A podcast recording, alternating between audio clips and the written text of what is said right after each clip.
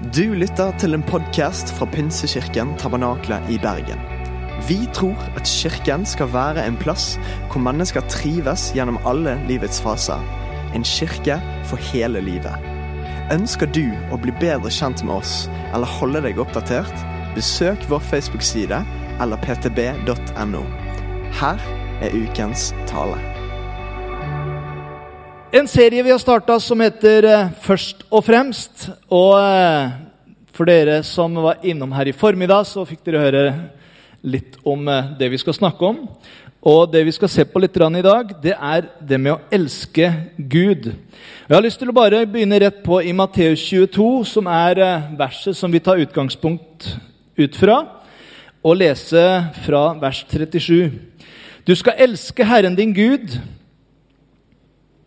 av hele ditt hjerte og av hele din sjel og av all din forstand. Dette er det største og første budet. Men det andre er like stort. Du skal elske din neste som deg selv. På disse to budene hviler hele loven og profetene. To ting som jeg har lyst til å stille spørsmål ved i dag, det er eh, hvordan skal vi vite hvem Gud er? Og det andre kan vi elske Gud av hele hjerte, sjel og forstand? La oss starte med hvem Gud er. Gud han åpenbares gjennom tre personligheter. Og Jeg har lyst til å presentere noen av disse. Og Vi kristne tror på én en eneste Gud. Vi tror ikke på flere guder, vi tror ikke på tre guder. Vi tror på én Gud. Og Vi eh, leser det i 5. Eh, Mosebok 6,4. Hør, Israel, Herren vår Gud, Herren er én. Og Jesaja 43.: Dere er mine vitner sier Herren, og min tjener som jeg har utvalgt, for at dere skal kjenne meg. Dere skal kjenne meg og tro på meg og forstå at jeg er Han. Hvem er Han? Før meg er ingen Gud blitt formet, og etter meg skal ingen komme. Jeg, jeg er Herren og det finnes ingen annen frelser enn jeg. Så Bibelen gjør det klart at det fins kun én sann Gud. Og alle andre guder med liten g, eller idoler som vi kan eh, lage oss, er kun en Satans løgn som han prøver å få imitert, så vi skal miste fokus på den ene og sanne Gud. I skapelsen så sa Gud i første Mosebok 1.: La oss lage mennesker i vårt bilde. Legg merke til at han bruker flertallsformen 'oss'. Så hvem snakka Gud til hvis Gud er én? Hvordan kan han si 'la oss skape mennesker'? Gud snakker om seg selv i flertall i flere anledninger. Herren sa, 'Se, de er et folk og, et, og har ett språk.' Dette er det første de gjør. Nå vil ingenting være umulig for dem. Uansett hva de bestemmer seg for å gjøre.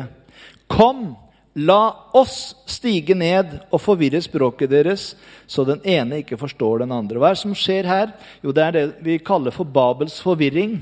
Eh, hvor folket hadde begynt å gjøre seg store, ville bli som Gud. Og de tenkte vi bygger et like godt et tårn som går helt opp til himmelen.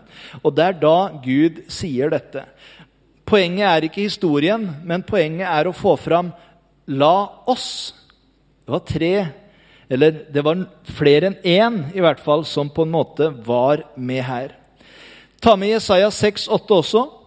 Da hørte jeg Herrens røst. Han sa, 'Hvem skal jeg sende, og hvem vil gå for oss?' Bibelen snakker ikke egentlig om treenighet, men eh, vi forstår det når vi leser misjonsbefalingen, hvor det står at vi skal døpe dem i Faderens, Sønnens og Den hellige ånds navn. Altså én Gud, men som samtidig opererer i tre personligheter. Som Faderen, Sønnen og Den hellige ånd. Det herligste uttrykket av dette er når Jesus kommer og starter sin tjeneste og skal døpes i Jordan. Så står det i Lukas 3, 22, Når Jesus ble døpt, kom Den hellige ånd nedover ham i en skikkelse av en due. Og en røst lød fra himmelen. Der har du Faderen. Du er min sønn, den elskede. I deg har jeg min glede. Ved denne anledningen så ser du altså alle tre personlighetene til stede samtidig. Så når Gud snakka om oss, så var det Far, Sønn og Hellig Ånd. Går det an å forstå treenigheten? Jeg vet ikke om vi noen gang kommer til å forstå det helt og fullt. Men Gud har nå i hvert fall skapt oss i sitt bilde. Og du kan i hvert fall tenke på det på den måten at vi er skapt også på tre vis. Altså, du har en kropp. Det er den som folk ser eh, med en gang de hilser på deg eller treffer deg. Men eh, kroppen, den er jo ikke så mye egentlig i verdi. Og det ser du på en måte hvis du har vært i et sted der hvor et menneske er død. Så det er dødt. Kroppen er liksom ikke noe. Men det du kommuniserer med, og det du på en måte lærer å kjenne, det er jo følelsene, det er sjelslivet. Det er der liksom tankene er, og følelsene er, og kunnskapene er, og alle disse tingene her. Det er jo det vi lærer å kjenne. Men så har du også en tredje del som vi er skapt med i Guds bilde. Og det er den åndelige delen. Det er den delen i oss som kan kommunisere med Gud. Og Derfor så er vi også på en måte tre i én. Som kan hjelpe å forstå litt grann også det som har med treenigheten å gjøre. Bibelen refererer seg til alle som Gud. Jesus blir kalt Gud. Husker når jeg var yngre, så tenkte jeg at Gud ja, det var han der oppe. Jesus det var han som kom her nede. Eh, og Den hellige ånd det var et eller annet svevende greier som eh, sikkert de hadde funnet på. Men alle tre er Gud. Og Jesus er også Gud. Og Den hellige ånd er også Gud. Og La oss bare ta noen vers på det, så vi får det klart. Jesaja 9 og vers 6 så står det For et barn er oss født, og en sønn er oss gitt. Og herreveldet er lagt på hans skulder. Og han har fått navnet Underfull rådgiver, Veldig Gud, Evig Far og Fredsfyrste. Og I Johannes første kapittel så skriver han fantastisk om nettopp dette. Han kaller egentlig Jesus her for Ordet, og sier at eh, Ordet ble menneske og tok bolig iblant oss. Og vi så hans herlighet, den herligheten han hadde fra sin far, full av nåde og sannhet.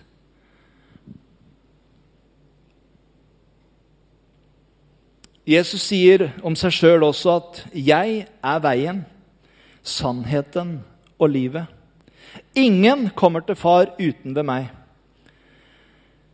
Og så sier han noe spennende. Har dere kjent meg, skal dere også kjenne min far. Fra nå av kjenner dere ham og har sett ham. Da sier Philip, 'Herre, vis oss Far.' Det er nok for oss.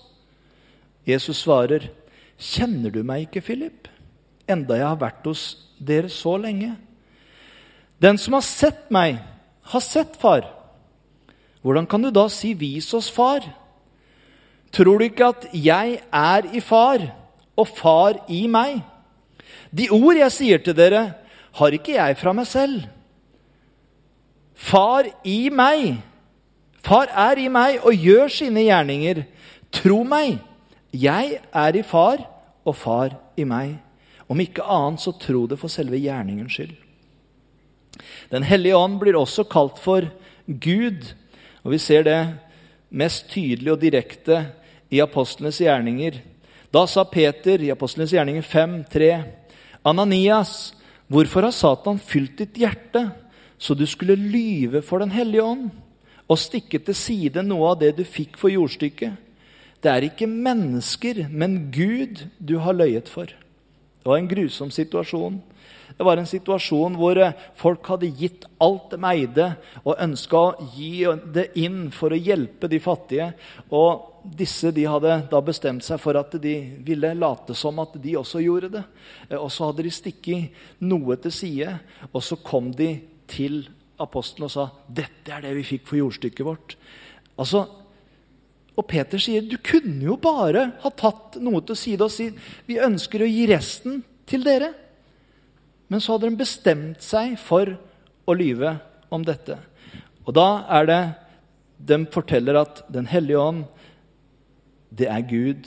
Det er Gud dere har løyet for. Så vi ser at guddommen opererer egentlig slik. Og jeg syns det er lett å forstå det på den måten der at Gud, Faderen, han var fra skapelsen og til Jesus' fødsel den som var i aktivitet. Han var skaperen.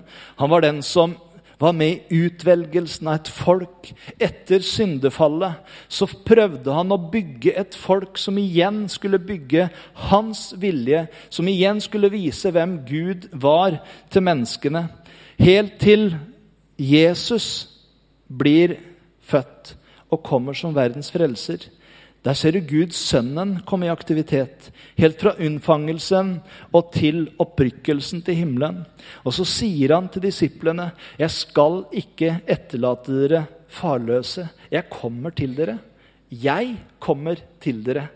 Og så sender han Den hellige ånd. Gud den hellige ånd, som er den som er i aktivitet i dag. Fra pinsefestens dag og helt til Jesus kommer igjen, så er Gud, Den hellige ånd, er den som arbeider, og som vi kan forholde oss til. Vi kan be til Gud, og vi kan be til Jesus og vi kan be til Den hellige ånd. Altså, det spiller egentlig ingen rolle hvordan du gjør det. Selv om eh, det er mange som har laga regler på det. Nå, nå, nå, nå, sier de. Du må be til Gud i Jesu navn. Det er det eneste rette. Men altså, alle er jo Gud. Så bare slapp av.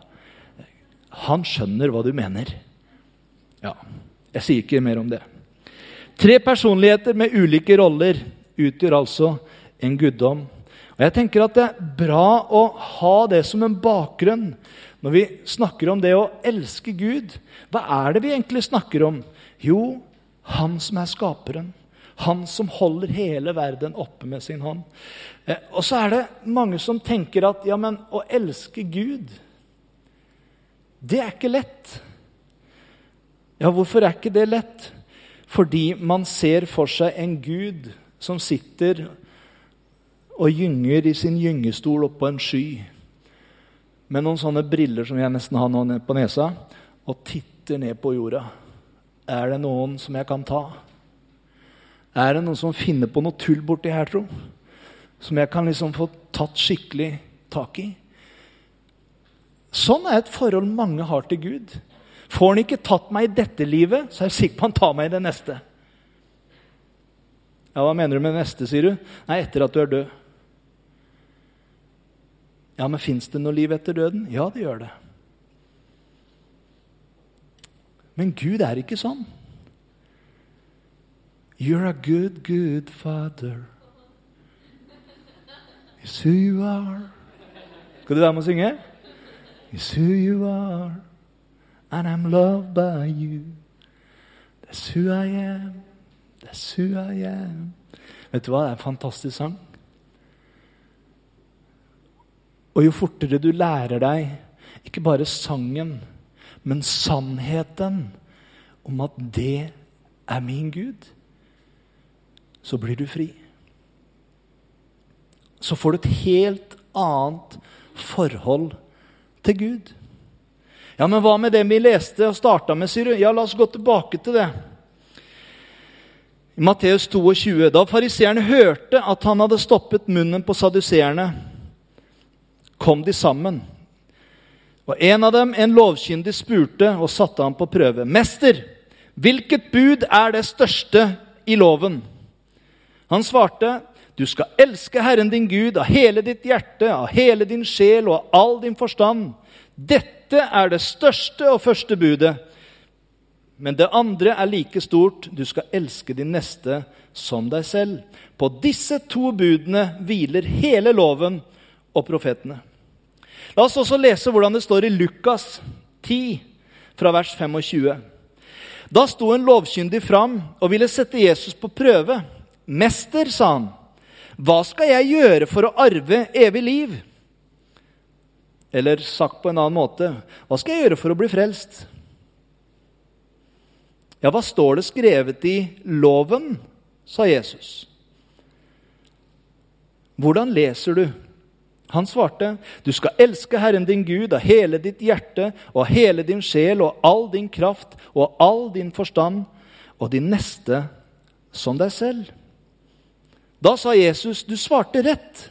Gjør det, så skal du leve.' Men han ville rettferdiggjøre seg selv og spurte Jesus, 'Hvem er min neste?' Det skal du få høre om neste søndag. Hvem din neste er. Hva er temaet i disse to samtalene?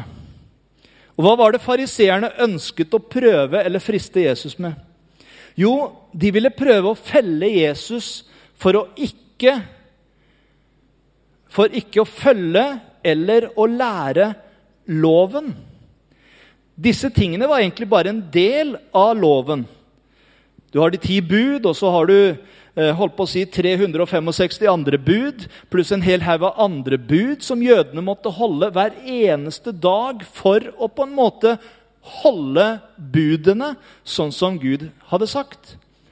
Alle disse budene sier da Jesus etterpå Du kan sammenfatte de i to bud. Du skal elske Gud av hele ditt hjerte, all din sjel og all din forstand, og din neste som deg selv. For det er det de ti bud på en måte sammenkobla. Hvis du tar dem, så handler de første om ditt forhold til Gud, og de andre handler om ditt forhold til medmennesker. De ville sette ham på prøve, men loven var tema i disse samtalene. Jeg har lyst til at du skal holde deg der litt. Det er loven man snakker om. Husk, Jesus kom ikke for å oppheve loven, men han kom for å oppfylle loven. Og Da Jesus snakka med fariseerne i disse to skriftstedene, så hadde han fremdeles ikke oppfylt loven. Ja, som det, sier du. Det skjedde ved hans død og oppstandelse. Og tema og spørsmål i samtalen, det er loven. Så kan noen oppfylle denne loven til punkt og prikke. Hvis du sier ja på det spørsmålet, så hadde jo ikke Jesus trengt å komme. Da hadde ikke han trengt å dø for våre synder. Hvis du klarer å elske Gud av hele ditt hjerte og med all din sjel, vil si i absolutt alle handlinger, i alt du gjør, og med all din kraft, kan du oppfylle loven til punkt og prikke på det. Jeg skal prøve så godt jeg kan, sier du kanskje. Men det er ikke godt nok. Du må elske han av hele ditt hjerte. Alltid. 24 timer i døgnet. Ikke tenke på noe annet enn å elske Gud. Klarer du det? Det var kun Jesus som klarte å oppfylle det. Paulus han nevner også dette budet i, i hvert fall to skriftsteder.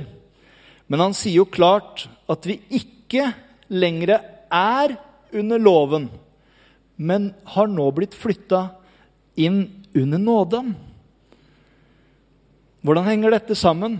La oss se på to skriftsteder. I Romerne 13 og i Galaterne 5. Romerne 13, 9. For disse budene Du skal ikke bryte ekteskapet, du skal ikke slå i hjel, du skal ikke stjele, du skal ikke begjære, eller hvilket bud det så er. Han snakker om loven. Sammenfattes i dette. Du skal elske de neste som deg selv. Kjærligheten gjør ikke noe ondt mot nesten. Derfor er kjærligheten oppfyllelsen av loven. La oss ta Galaterne 5 også. 13 og 14. Dere søsken er kalt til frihet. La bare ikke friheten bli et påskudd for det som kjøtt og blod vil, men tjen hverandre i kjærlighet.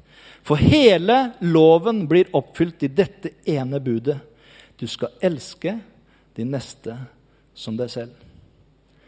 Jeg vet ikke om du la merke til det, men Paulus utelater at du skal elske Gud av hele ditt hjerte, av all din sjel og all din kraft og all din makt.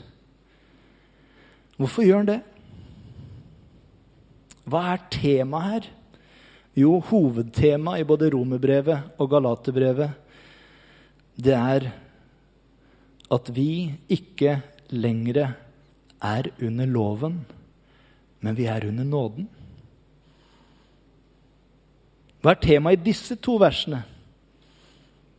Kjærligheten. For så høyt har Gud elsket verden Vi tar det litt seinere. De som hører Kristus til, sier han videre i Galaterbrevet, har korsfestet kjøttet og dets lidenskaper og begjær.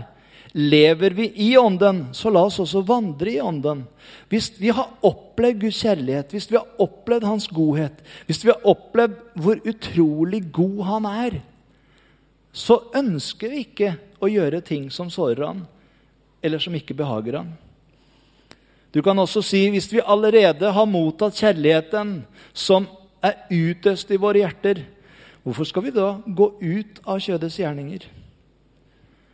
Og håpet gjør ikke til skamme, står det, for Guds kjærlighet har blitt utøst i våre hjerter ved Den hellige ånd som er gitt oss.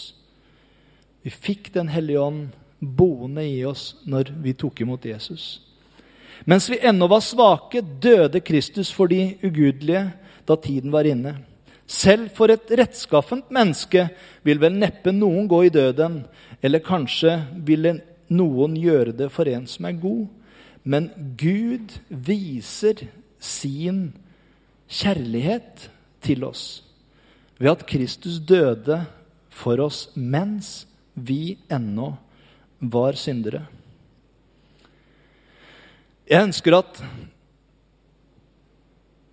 akkurat nå at du skal bli satt fri fra denne frykten om at du kanskje ikke elsker Gud nok. For når er forresten nok? Er det når vi har lest Bibelen nok? Eller er det når du har brukt tid nok med Gud, og ikke brukt for mye tid foran TV-en eller Facebook? Er det når du har eh, klart å holde deg unna synd en stund? Hva er kriteriene for når du har gjort det bra nok? Det er faktisk bare en standard. Det er ikke noe imellom. Det er ikke å prøve så godt man kan. Standarden var loven. Og loven sa, som vi allerede har sett, du må gjøre det perfekt og hele, av hele ditt hjerte og all din sjel og all din kraft.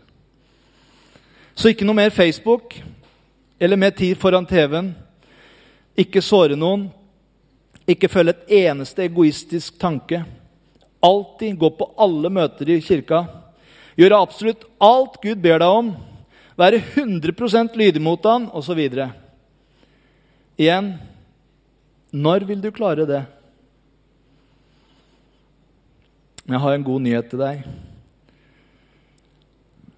Skal du komme opp, Benedikte? For så høyt har Gud elsket verden, at han ga sin eneste sønn til verden for at vi skulle leve ved ham. Ja, dette er kjærligheten. Ikke at vi har elska Gud, men at Gud har elsket oss og sendt sin sønn til soning for våre synder.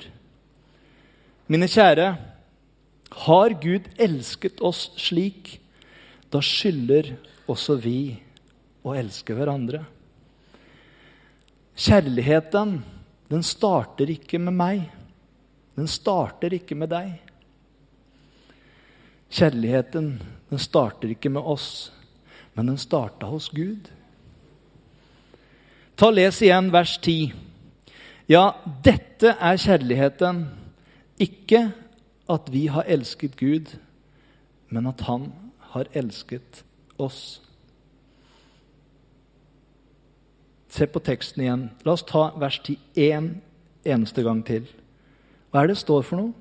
Kjærligheten er ikke det at vi har fått til å elske Gud men at han elsket oss først. Er det ikke det Johannes sier? Johannes nevner noen vers lenger nede også. Vi elsker fordi han elsket oss først. Så hva er det som kommer først? Vår kjærlighet til Gud eller hans kjærlighet til oss? Jeg tror når vi forstår det fantastiske bildet at når Jesus, når Gud, hadde prøvd opp gjennom historien, gjennom et folk som feila igjen og igjen i å leve etter loven, bomma gang på gang. Gud ga dem nåde. De sa 'vi skal aldri gå bort ifra deg mer'. Og så kom Gud, og så fikk dem en ny start. Og når det plutselig gikk bra igjen, så gikk de bort ifra Gud. Og så ropte de igjen til Gud, og så kom Gud igjen med sin nåde. Og så ropte de igjen til Gud, og igjen og igjen. og Historien bare gjentar seg. Det er som vår historie mange ganger også. Vi ber til Gud, kan du hjelpe meg? Hvis du bare hjelper meg med det, Gud, så skal jeg gjøre det og det og det. Og så kommer Gud, og så hjelper han oss, og så glemmer vi bare Gud igjen etterpå, fordi nå går jo alt så bra. I den gamle pakt så dekka de over skylda si ved at de hadde noe som de kalte for en syndebukk, som de la hendene på. Og hvert år så ba prestene en bønn om tilgivelse for syndene deres. Det skulle skjule synden deres og sendes ut. Men det Jesus gjorde når han kom, det var ikke at han skjulte synden vår. Men når vi får lov til å komme til han med vår synd, så nagla han den til korset. Og så sier Johannes, se der Guds lam som bærer all verdens synd. Han bare ikke skjulte synden din, men han tok den vekk en gang for alltid. Og det er grunnen til at jeg ønsker å elske Gud. Og det er også grunnen til at jeg elsker å lovprise Gud.